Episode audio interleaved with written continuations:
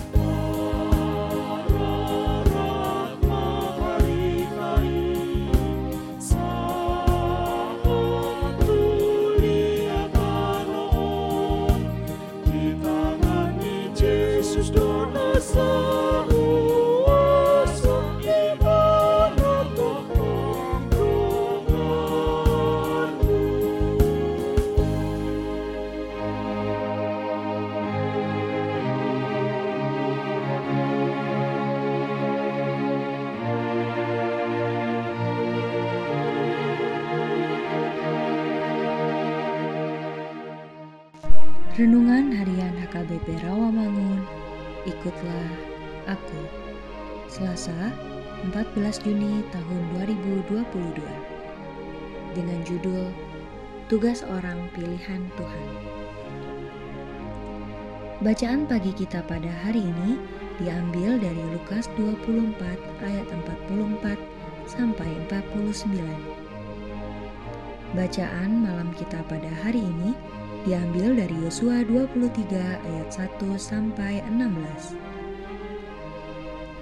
Dan kebenaran firman Tuhan pada hari ini diambil dari Yesaya 42 ayat 1 yang berbunyi, Lihat, itu hambaku yang kupegang, orang pilihanku, yang kepadanya aku berkenan.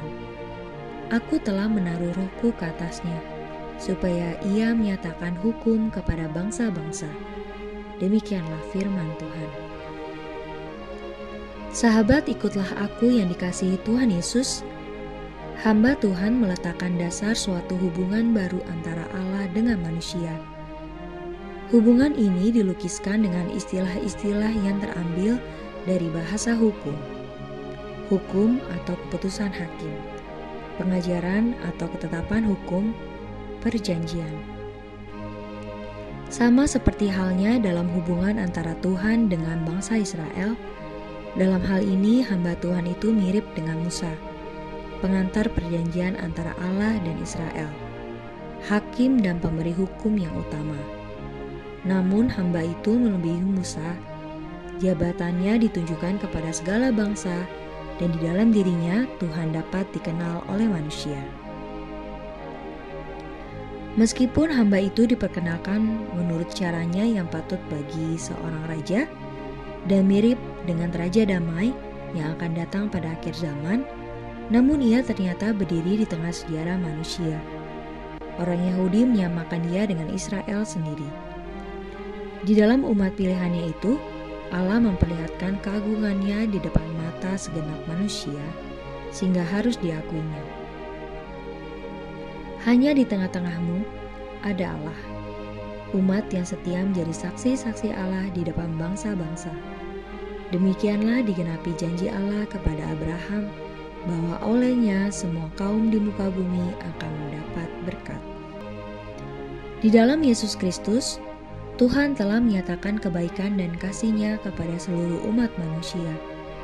Tuhan tidak akan mematahkan pengharapan yang telah kita tambatkan kepadanya. Pada waktu yang tepat, pengharapan itu akan berbuah manis di dalam hidup kita. Oleh karena itu, mari kita terus hidup di dalam jalannya dengan beriman sepenuhnya kepadanya, menuruti segenap perintahnya di dalam hidup kita. Amin. Marilah kita berdoa.